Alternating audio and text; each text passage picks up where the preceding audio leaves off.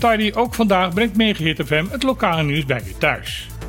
Ik ben Martijn Hirschmuller en dit zijn de meest opvallende onderwerpen van vandaag. Verkeersveiligheid is momenteel prioriteit nummer 1 bij de Korpspolitie Nederland wanneer het over Bonaire gaat. Dit zei korpschef van de KPCN Alwin Braaf gisteren tijdens een persconferentie met de zogenaamde veiligheidsdriehoek. Deze bestaat naast Braaf uit hoofdofficier van Justitie voor Bonaire, Walter Kupers, en de waarnemend gezaghebber Nolly Oliana.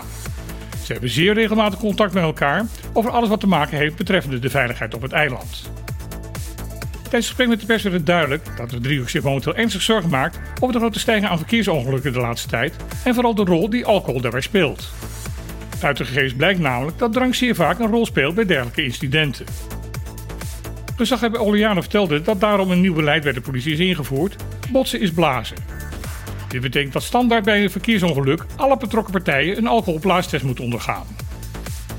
Dit beleid en extra algemene alcoholcontroles hebben ertoe geleid dat er al dit jaar 92 bestuurders zijn aangehouden met duidelijk een slok te veel op.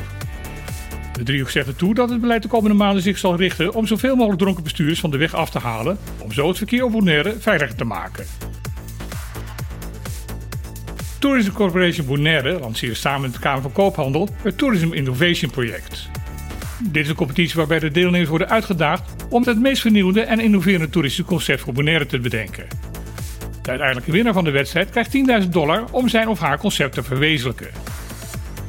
De deelnemers zullen na registratie een aantal workshops aangeboden krijgen hoe ze hun ideeën beter kunnen uitwerken en om hun presentatievaardigheden te verbeteren.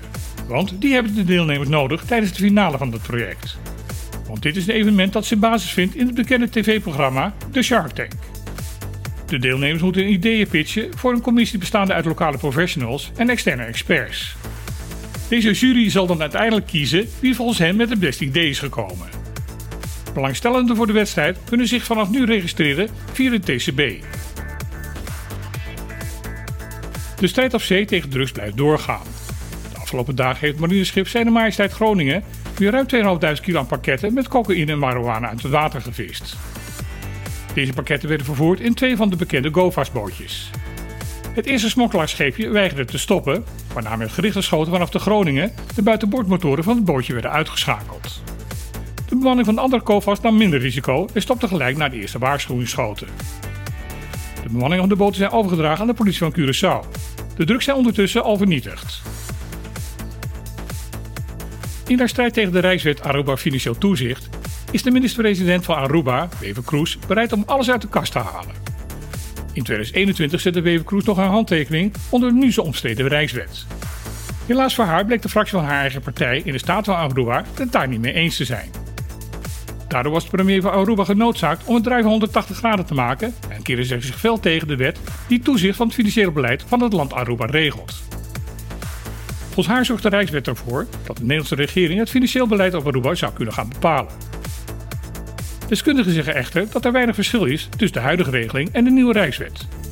Het belangrijkste verschil is dat in de Rijkswet Aruba niet meer de regels rondom het toezicht eenzijdig kan veranderen. Als pressiemiddel zegt de Nederlandse regering dat Aruba bij akkoord gaat met de Rijkswet niet meer dan 3,2% rente gaat betalen over de nog uitstaande miljoenen leningen die Nederland in COVID-tijd aan Aruba heeft gegeven. Maar wanneer Aruba dwars blijft liggen, zal de rente over deze leningen op een marktconform niveau gebracht gaan worden. Dat betekent een rentepercentage tussen de 6 en 8 procent. Wever Kroes heeft furieus op dit dreigement gereageerd en zegt nu dat Nederland alleen maar erop uit is om geld te verdienen aan haar voormalige kolonie. Het is nog niet bekend wat de reactie van de demissionaire staatssecretaris van Koningsrelaties van Huffelen op deze laatste beschuldiging is. Dit was het lokale nieuws op Megahit FM. Ik wens iedereen nog een mooie en goedkope dag toe. En dan heel graag weer. Tot morgen.